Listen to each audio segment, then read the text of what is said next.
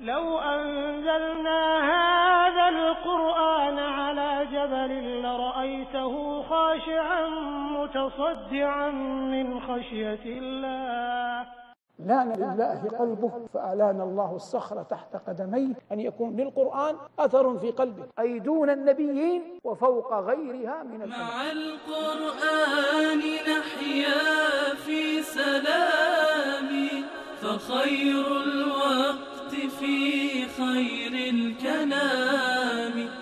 تعالوا ساعة نؤمن جميعا لنيل الأجر في دار السلام. بسم الله الرحمن الرحيم. الحمد لله والصلاة والسلام على رسول الله. وبعد فهذه أولى الوقفات مع آيات من الجزء السابع من كتاب ربنا الكريم جل جلاله. والآيات هي قول الله جل وعلا أحل لكم صيد البحر وطعامه متاعا لكم وللسيارة وحرم عليكم صيد البر ما دمتم حرما. وهذه الآية من كلام الله جل وعلا جاءت بيانا استئنافيا لما ورد في أول السورة من قول الله جل وعلا لا تقربوا الصيد وأنتم وأنتم حرم. فينصرف هذا الخطاب أول ما ينصرف إلى صيد البر. فيبقى صيد البحر معلقا. هل يدخل في هذا النهي أو لا يدخل في هذا النهي؟ فجاءت هذه الآيات لتزيل ذلك الإبهام الذي يمكن أن يلقى في أذهان السامعين من الصحابة أول نزول هذه الآيات. فقال الله جل وعلا أحل لكم صيد البحر وطعامه. قال صيد البحر وقال طعامه والواو عاطفة وهي تقتضي المغايرة. الأصل أن واو العطف تقتضي المغايرة أي أن ما بعدها يخالف ما قبلها في نوعه في ماهيته لكنه يتفق معه في الحكم يشتركان في الحكم. تقول جاء عمرو وخالد فخالد غير عمرو لكنهما اشتركا في حكم المجيء اشتركا في حكم المجيء. قال أصدق القائلين أحل لكم والمعنى هنا بقي على حله لأن صيد البحر لم يأتي أصلا خطاب بأنه بأنه محرم لكن حتى يعرف بهذه الصيغة أن التحليل والتحريم لا يكون إلا لمن؟ إلا لله. قال ربنا أحل لكم صيد البحر وطعامه متاعا لكم وللسيارة. ما الفرق بين الصيد والطعام؟ الصيد في البحر ما يقتله الصائد بنفسه كمن يلقي شبكة أو غيرها فيصطاد سمكا من البحر فهذا هو صيد البحر. وأما طعامه فهو ما يقذفه البحر إلى البر من غير أن يتكلف الإنسان أن يصيده فيموت لمفارقته للبحر فهذا الذي صدته بنفسك أو ذاك الذي ألقاه البحر من غير تكلف منك كلاهما من جنس المباحات. هذا معنى قول الله أحل لكم صيد البحر وطعامه متاعا لكم وللسيارة. متاعا لكم معشر من رأيتموه وصدتموه تلذذوا به. وللسيارة جمع سيار. من الفعل سار والمقصود جماعة المسافرين. لهم أن يأخذوا هذا ويبيعوه ويتجروا فيه إلى أهل الأمصار.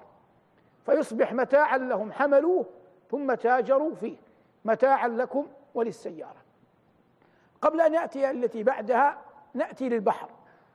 البحر في كلام الله يطلق على كل ماء كثير سواء كان بحرا معروفا كما هو خطاب الناس اليوم البحر والأنهار العذبة. كذلك في كلام الله تسمى بحر. قال الله ربنا وما يستوي البحران. هذا عذب فرات. ومعلوم أن العذوبة لا تكون إلا في الأنهار التي تجري لا تكون في البحار. البحار كلها مالحة. والبحر في لغة العرب توسعوا فيه توسعا مجازيا كثيرا فأخذوا يطلقونه على كل ما عظم واتسع يقولون له بحر. يقول أحدهم يمدح رجلا من الكرماء قال هو البحر من أي النواحي أتيته؟ فلجته المعروف والجود ساحله تعود بسط الكف حتى لو أنه ثناها لقبض لم تطعه انامله ولو لم تكن في كفه غير روحه لجاد بها فليتق الله سائله. والمقصود مدحه بأنه بحر. كذلك علي رضي الله عنه سئل عن سلمان الفارسي وسلمان رضي الله عنه من المعمرين حتى قال بعض أهل التراجم والسير إنه بلغ مئة وخمسين عاما. وعاش ردحا كبيرا قبل النبوة ولا يعرف اسم أبيه رغم أن له أب. ومع ذلك عندما كان يسأل عن اسم أبيه كان يقول أبي الإسلام لا أب لي سواه إذا افتخروا بقيس أو أو تميم هذا سلمان سئل عنه علي هذا موضع الشاهد. فقال رضي الله عنه وأرضاه رجل علم العلم الأول والآخر هو بحر لا ينزف منا أهل البيت. فما يعني ينشر أن النبي صلى الله عليه وسلم قال في حق سلمان سلمان منا أهل البيت هذا الحديث لا يصح رفعه إلى النبي صلى الله عليه وسلم. والصحيح أنه موقوف على علي موقوف على علي رضي الله عنه وأرضاه. قال قد علم العلم الأول والآخر هو بحر لا ينزف. منا أهل البيت. المقصود من قول علي الشاهد منه قوله بحر لا ينزف لكثرة علمه. فأصبحت العرب تعبر بالبحر عن كله. الحرمان مكة والمدينة لا بحر فيهما. الحرمان مكة والمدينة لا بحر فيهما. وعلى هذا قال بعض العلماء إن الله جل وعلا لم يحرم صيد البحر على المحرمين لأن الأصل في تحريم الصيد تعظيم الحرم. ولما كان هذا النوع من الصيد لا يوجد في مكة والمدينة أباحه الله جل وعلا لمن كان متلبسا بالإحرام. وينبغي أن تعلم أن الأصل القصد العظيم تعظيم الكعبة. تعظيم ماذا؟ تعظيم الكعبة. فجعل الله المسجد المبني حول الكعبة حرما لماذا؟ حرما للكعبة. وجعل مكة حرما لأي شيء؟ حرما للمسجد. وجعل جزيرة العرب حرما لماذا؟ حرما لمكة. أعيد. المقصود تعظيم الكعبة. فعظم الله الكعبة جعل الله الكعبة البيت الحرام قياما للناس. ثم عظم الكعبة جل شأنه بأن جعل المسجد حرما لها.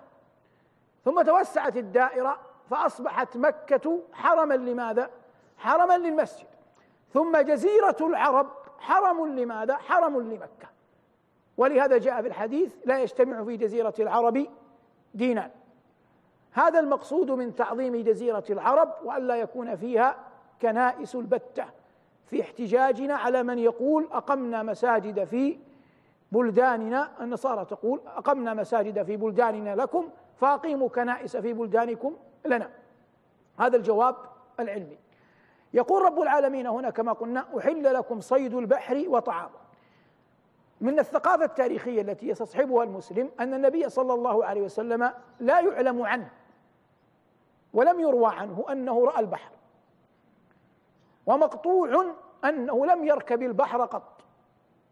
لم يركب البحر قط. وجاءت الأخبار في القرآن والسنة بعلاقة البحر بأنبياء معدودين. أولهم نوح في خبر الطوفان. ومنهم يونس بن متى في خبر أن ابتلعه الحوت. ومنهم كليم الله موسى يوم أن اضرب بعصاك البحر. فهؤلاء ثلاثة أنبياء مقطوع أنهم ركبوا البحر. والبحر أشد مخافة من من البر. ولهذا النبي صلى الله عليه وسلم لما دخل على أم حرام بنت ملحان ثم غفى غفوة ثم أفاق فكبر. فلما سألته قال رأيت رجالا من أمتي أو قوما من أمتي غزاة في عرض يركبون ثبج هذا البحر غزاة في سبيل الله كأنهم الملوك على الأسرة. فقال تدعو الله أن يجعلني منهم؟ قال أنت منهم. دعا الله أن يجعلها منهم. ثم أخرى ثم قام فكبر وقال مثل الأول قال تدعو الله أن يجعلني منهم؟ قال أنت من من الأولين. ومع هذا الخبر وهذا مهم في فقه الحديث أن أخبار الغيب لا يقصد منها أن تجلبها. ليس هذا المقصود. فالموت غيب. لا يعني هذا أن تذهب أنت إلى الموت. والمهدي حق. سيخرج.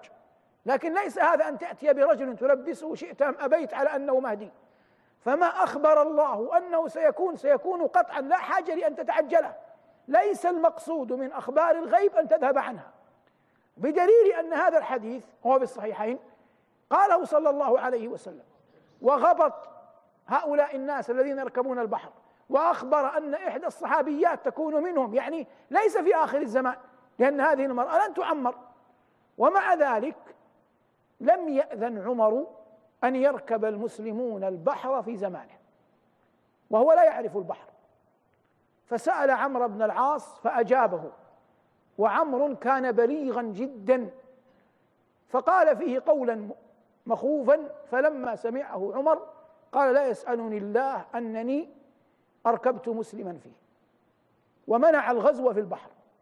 فلما مات رضي الله عنه وآل أمر المسلمين إلى عثمان كلم عثمان في البحر فقبل وكانت غزوة ذات الصواري وفيها خرجت أم حرام بنت ملحان ولما خرجت من السفينة ركبت دابة ثم إنها مشت بها الدابة قليلا فسقطت فماتت رضي الله عنها وأرضاها.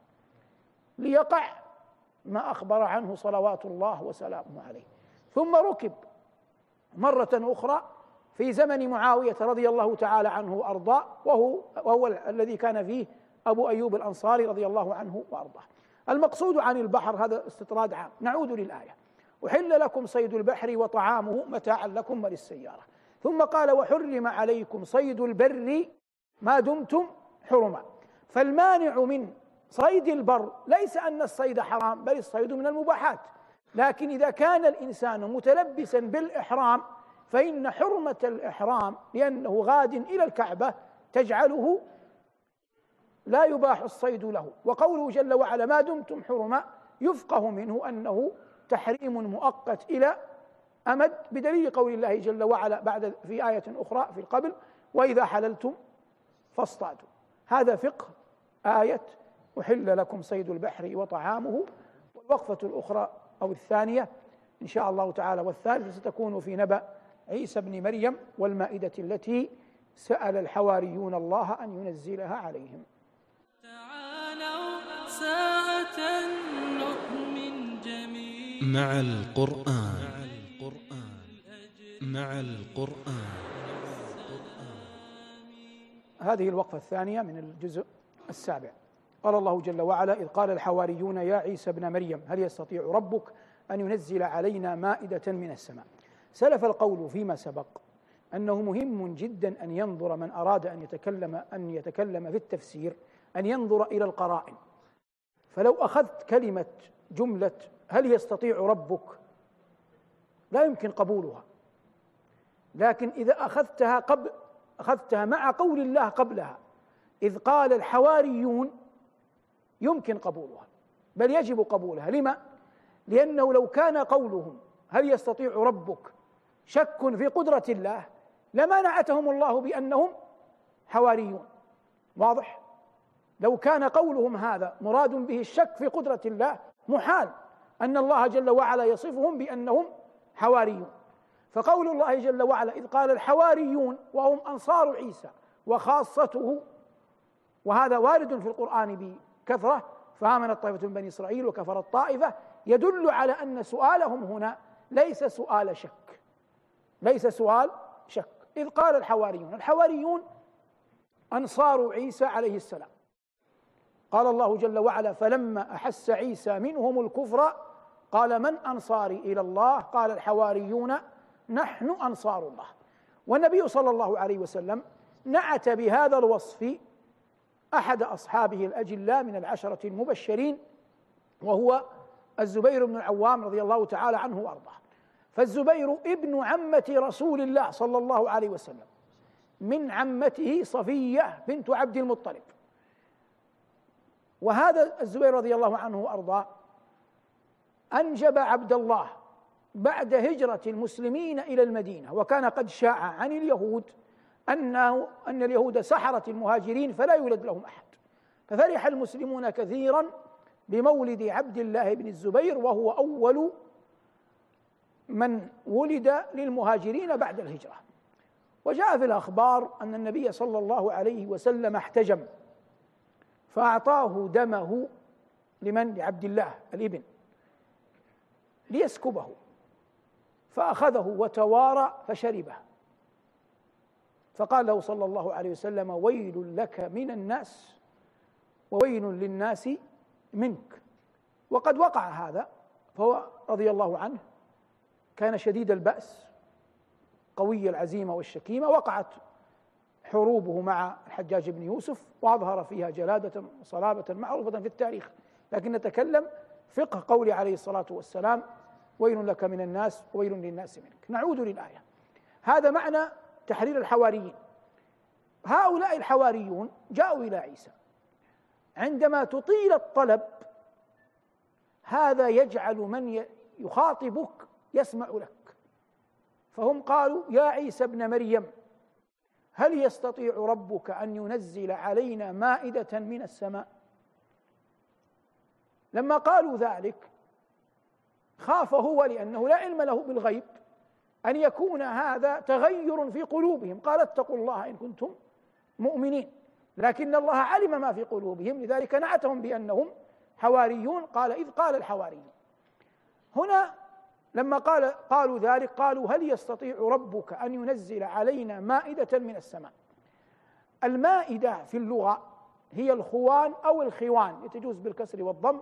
إذا كان عليه طعام. مثل هذه تقريبا. لو كان عليها طعام تسمى مائدة. أما ما دام ليس عليها طعام لا تسمى لا تسمى مائدة. فالعرب جرى سنن كلامها أن هناك أوصافا لا تطلق إلا بالمقارنة. فالمرأة إذا كانت في الهودج يسمونها ضعينة. لكنها إذا نزلت من هودجها لا يسمونها ضعيفة ضعينة. قال عمرو بن كلثوم قفي قبل التفرق يا ضعينة نخبرك القرون نخبرك اليقين وتخ وتخبرين بأننا نريد الرايات بيضا ونصدرهن حمرا قد روينا. موضوع الشاهد أنه قصد المسافرة. والنبي عليه الصلاة والسلام في الخبر الصحيح قال لعدي بن حاتم لترين الضعينة تخرج من العراق حتى تأتي البيت لا تخاف أحدا إلا الله. فسماها ضعينة وهو يقصد المرأة حال كونها في الهودج. كما أن الكأس لا يسمى كأس إلا إذا كان فيه ماء. لا يسمى كأسا إلا إذا كان فيه ماء. نعود للآية. أنزل علينا مائدة من السماء أي خوان عليه عليه مائدة وهم أرادوا معجزة. لأنهم لا يريدون طعاما من العالم السفلي يريدون طعاما من العالم العالي. هل يستطيع ربك أن ينزل علينا مائدة من السماء؟ قال اتقوا الله إن كنتم مؤمنين. فذكروا الأسباب. قالوا نريد أن نأكل منها. وهذا ترتيب منطقي في العرض لأن الطعام ما وضع إلا ليؤكل منه. ولهذا هناك حرمة اسمها حرمة المؤاكلة. ولهذا نقول إن الخليل عليه السلام لما قدم الطعام لأضيافه من الملائكة دون أن يدري أنهم ملائكة قال الله عنه فلما رأى أيديهم لا تصل إليه نكرهم وأوجس منهم خيفة والمقصود أن الطعام لا يوضع إلا ليؤكل. فهنا قال قالوا بصدق ووضوح وجلاء منطق قالوا نريد أن نأكل منها. وتطمئن قلوبنا والاطمئنان هنا قريب من قول الله جل وعلا عن الخليل إبراهيم ولكن ليطمئن ولكن ليطمئن قلبي. وتطمئن قلوبنا ونعلم أن قد صدقتنا ونكون عليها من الشاهدين ونكون عليها من الشاهدين. هذه الأربع الأسباب التي أفصى عنها الحواريون سبب طلبهم من نبيهم عيسى بن مريم أن ينزل الله عليهم مائدة من السماء. هنا يأتي فقه أن تعلم أن الأنبياء مهما علت مراتبهم يبقون بشرا. فكل الذي صنعه عيسى أنه توسل إلى ربه ولجأ إلى خالقه. قال الله جل وعلا عنه قال عيسى ابن مريم اللهم ربنا أنزل علينا مائدة من السماء. اللهم وفق كلام أهل النحو لا يجمعون ما بين البدل والمبدل والمبدل منه فيقولون أصلها يا الله. فحذف حرف النداء ووضعت الميم بدلا منها. ولهذا شذ في أقوالهم فيما نقل الجمع ما بين البدل والمبدل منه. فلا يقال يا اللهم. اللهم إلا ما ذكر في ضرورة في ضرورة الشعر. لكن الأصل أنه لا يجمع ما بين البدل والمبدل منه. قال الله تعالى هنا قال عيسى ابن مريم اللهم ربنا أنزل علينا مائدة من السماء. فتوسل عيسى ابن مريم إلى ربه أن ينزل عليهم مائدة من السماء. ثم علل قال تكون لنا عيدا لأولنا وآخرنا وآية منك. تكون لنا عيدا لأولنا وآخرنا وآية منك. تكون لنا عيدا أي شيئا يعود. وإنما كما هو معروف يسمى العيد عيدا لأنه لأنه يعود. ومن القضايا الفقهية الملحة المطروحة في زماننا قضية الأعياد وكثرتها أو أو قلتها. والذي يظهر لي والعلم عند الله. أن الأصل أن العيد الذي يتعبد الله به لا يوجد إلا عيدان الفطر والأضحى. هذان عيدان أهل هذان عيدا أهل الإسلام. أما ما يتعلق بما هو موجود في الثقافة الغربية المعاصرة فهذا ينقسم إلى قسمين. فما كان عندهم مبني على أصل ديني أصل منشاه مسألة دينية عندهم فهذا لا يقبل البتة ويرد كاحتفالهم بأعياد الميلاد. فإن احتفالهم بأعياد الميلاد مبني على احتفالهم بعيد ميلاد المسيح عيسى بن مريم. وعيد ميلاد المسيح ابن مريم باطل شرعا. باطل شرعا. فما تفرع عن هذا يصبح يصبح ممنوع شرعا. بقي الآخر من الأعياد الذي لا يرتبط بسبب شرعي عندهم فهذا ينظر. إن كانت هناك مصلحة غالبة في وضعه ولا يسمى عيدا لفئام دون آخرين لفئة دون فئة فهذا يمكن القول بجوازه وتركه أولى أما إن كان لا يوجد منه مصلحة البتة فلا حاجة للمسلمين به قطعا. فلا حاجة للمسلمين به قطعا لأن أهل العلم ممن هم محققون ومؤصلون ذكروا أن الحضارة الغربية ما كان منها نافعا غير منهي عنه في ديننا يقبل وما كان منها غير نافع فلا يقبل وما كان نافعا لكنه منهي عنه في ديننا فقطعا لا نفع فيه وإن نفعهم هم. هذا ما يمكن أن يقال حول الوقفة الثانية المخصصة لخبر عيسى بن مريم ونتم في الوقفة الثالثة إن شاء الله تعالى خبر إنزال المائدة على الحواريين من أنصار عيسى بن مريم. تعالوا ساعة نؤمن جميعا. مع القرآن. مع القرآن. هذه الوقفة الثالثة من الجزء السابع. انتهينا إلى قول الله جل وعلا تكون لنا عيدا لأولنا وآخرنا وآية منك. كمفردة كلمة آية في القرآن جاءت على عدة معان. قال أصدق القائلين بل هو آيات بينات في صدور الذين أوتوا العلم. وهذا أشهر معانيها. وجاء بمعنى معجزة للنبي. جاء بمعنى معجزة للنبي. فما اصطلح عليه كتاب السير أنهم يقولون معجزات النبي موسى معجزات النبي محمد كلمة معجزة لم تأتي في القرآن. يعبر عنها بأنها آية. ومنه هذه الآية. قال الله جل وعلا وآية منك أي بتعبير الناس اليوم معجزة لنا من منك. فقول نبي الله عيسى هنا كما حكى الله عنه المقصود منه آية بمعنى معجزة وآية منك. ثم أظهر فقره وعجزه وقال وارزقنا وأنت خير وأنت خير الرازقين. لا ريب أن الله خير الرازقين. بل لا أحد يرزق إلا إلا الله. الرزق رزق تقوم به حياة الأبدان وهذا المطعوم والمشروب. ورزق تقوم به حياة القلوب وهو وحي الله إلى نبيه. رزق تقوم به حياة الأبدان وهو المطعوم والمشروب. ورزق تقوم به حياة القلوب وهو وحي الله إلى نبيه. وما نجم عنه من العلم وما نجم عنه من العلم النافع. وقد سمى الله جل وعلا ما يكون في الجنة سماه سماه رزقا قال الله قد أحسن الله له قد أحسن الله له رزقا. ومن أعظم ما يستشهد به في مثل هذا أنهم يذكرون عن داود عليه السلام أو عن غيره من الصالحين أنه كان إذا دعا قال يا رازق النعاب في عشه.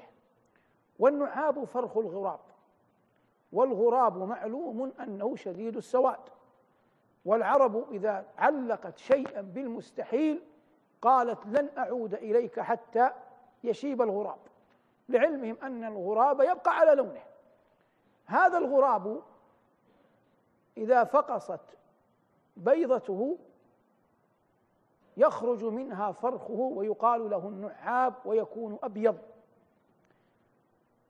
فأبواه الذكر والأنثى يحجمان عنه بسبب اختلاف اللون لا يعرفانه.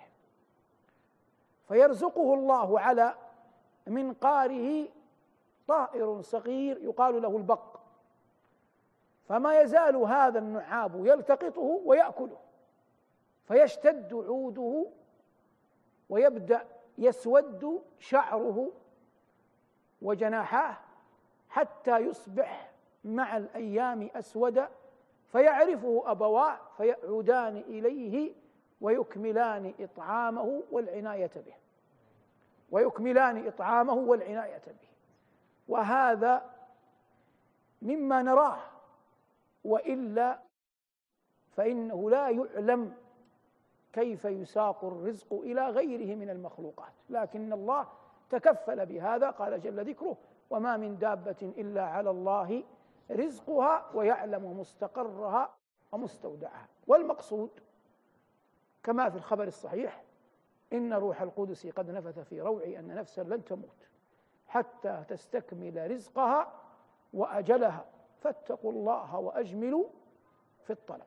لكن إنما ترزق وتؤجر إذا علمت حقا يقينا.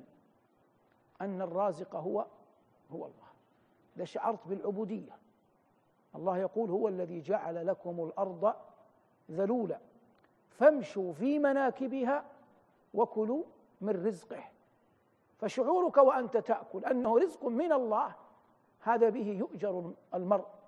والنبي صلى الله عليه وسلم من هديه أنه إذا أكل أو شرب طعاما قال الحمد لله وسأل الله خيرا منه.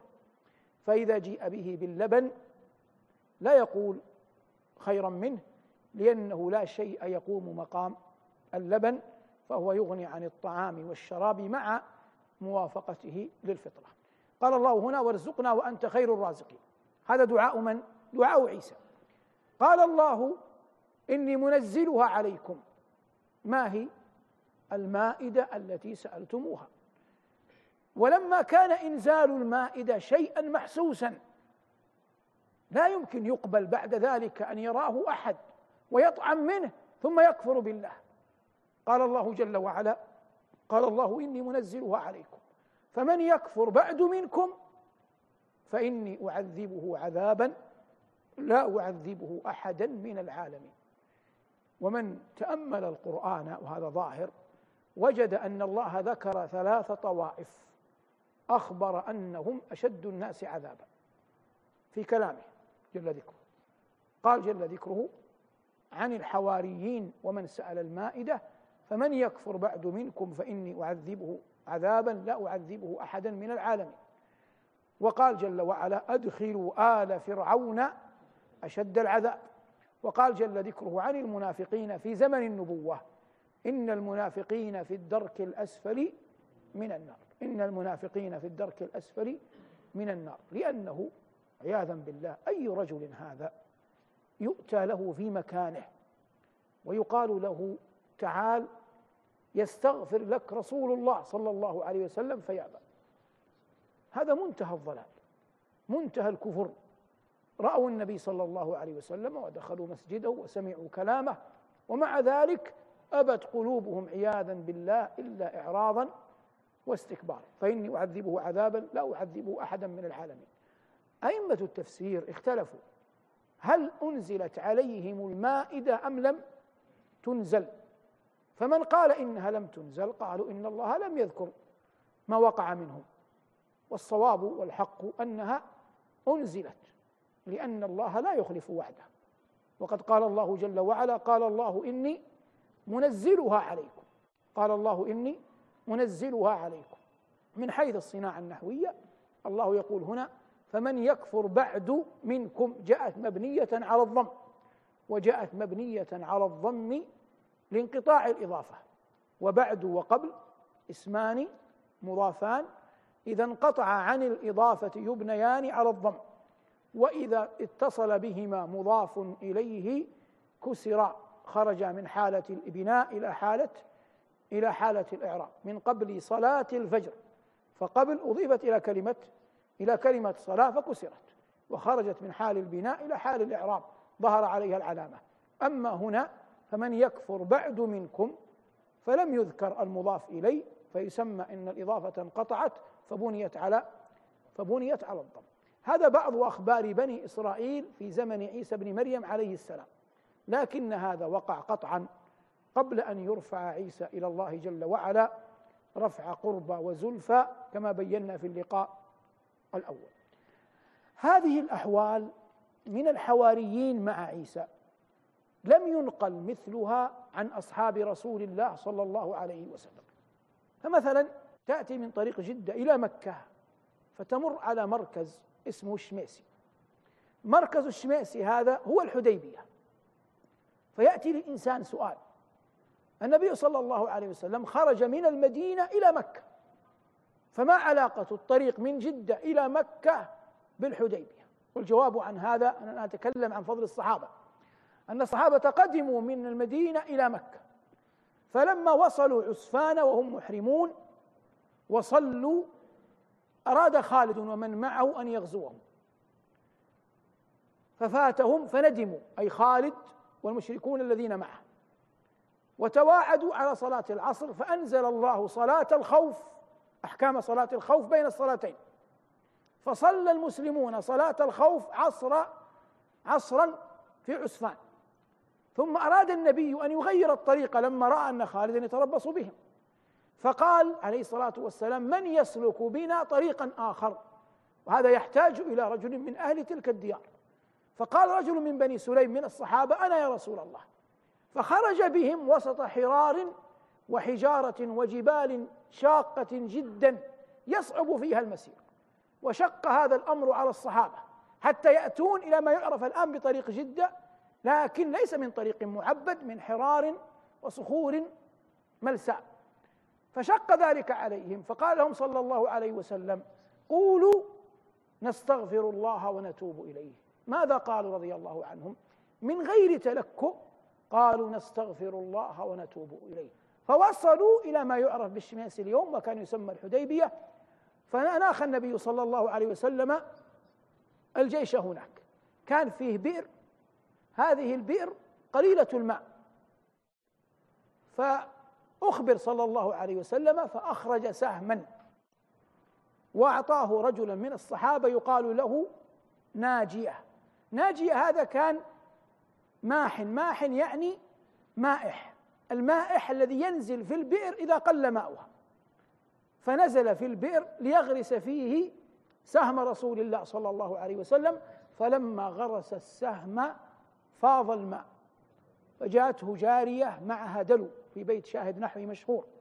معها دلو وتريد أن تغريه أن يسقيها. فقالت أيها المائح دلوي دونك إني رأيت الناس يحمدونك. فأعجب بقولها وسقاها وقال قد علمت جارية يمانية وذكر أبياتا يتكلم فيها كيف أنه لبى لبى طلبها. كل هذا في مجتمع في مجتمع مسلم. لكن المقصود منه أن هذا سبب نزول النبي صلى الله عليه وسلم في طريق الحديبية. فكان صلى الله عليه وسلم على ما يروى أنه أنت لو جئت عند الشميس الآن وتجاوزته بعد ذلك بقليل جئت مكة سترى العلامات التي تدل على دخولك حرم مكة. الأميال المعروفة بالأميال حدود الحرم بعدها بقليل. فرواة الأخبار يقولون إن النبي صلى الله عليه وسلم جعل الجيش في الحل ثم يتقدم وقت وقت الصلاة فيصلي بهم في في الحرم. هذا أحد أدلة الجمهور على أن مكة كلها حرم وعلى أن الصلاة فيها بمئة على أن الصلاة في مكة بمئة ألف في حرمها. وإلا الأميال كلها حرم بالاتفاق. هذا والله أعلم والحمد لله رب العالمين. مع القرآن نحيا في سلام فخير الوقت في خير الكلام. بتفسير وأخبار حسان